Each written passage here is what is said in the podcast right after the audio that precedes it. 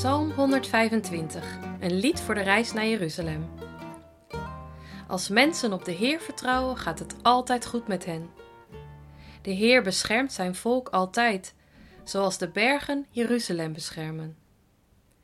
Slechte mensen zullen niet heersen over het volk van de Heer, en het volk van de Heer zal geen verkeerde dingen doen. Wees goed voor goede mensen, Heer. Wees goed voor mensen die eerlijk zijn maar jaag slechte mensen weg. Laat iedereen die kwaad doet verdwijnen. Heer, geef vrede aan Israël.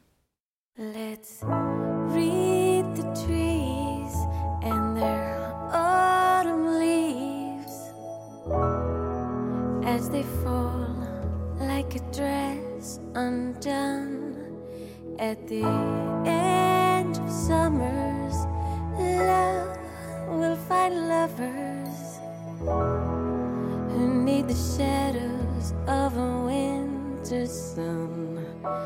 Don't tell me Je merkt het al, we zitten midden in de pelgrimsliederen. In Jeruzalem stond de oude tempel, de woonplaats van God onder de mensen. Daar moest je naartoe, daar wilde je zijn. De pelgrimage stond voor het leven zelf.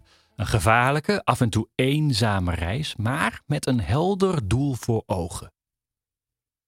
De Heer beschermt zijn volk altijd, zoals de bergen Jeruzalem beschermen, staat het te lezen in deze korte psalm. Nu even een lesje topografie. Jeruzalem ligt van zichzelf al op een berg, de berg Sion. Maar welke bergen zijn er dan nog meer? De psalm heeft het namelijk over een meervoud.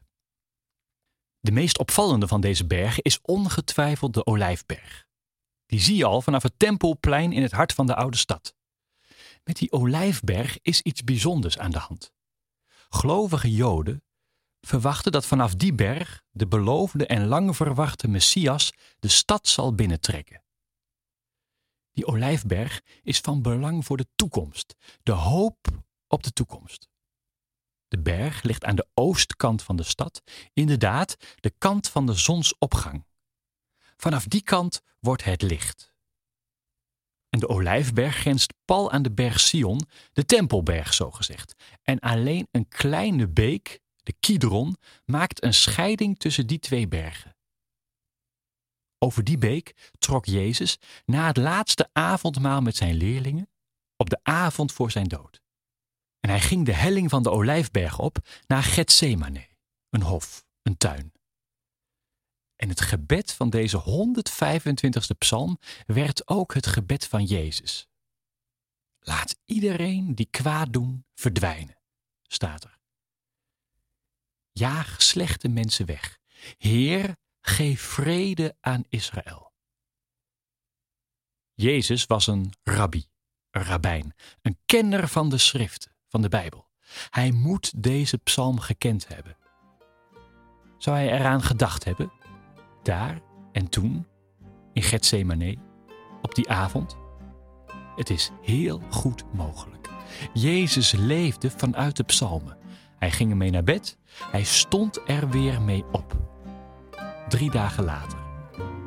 En de dood was niet meer.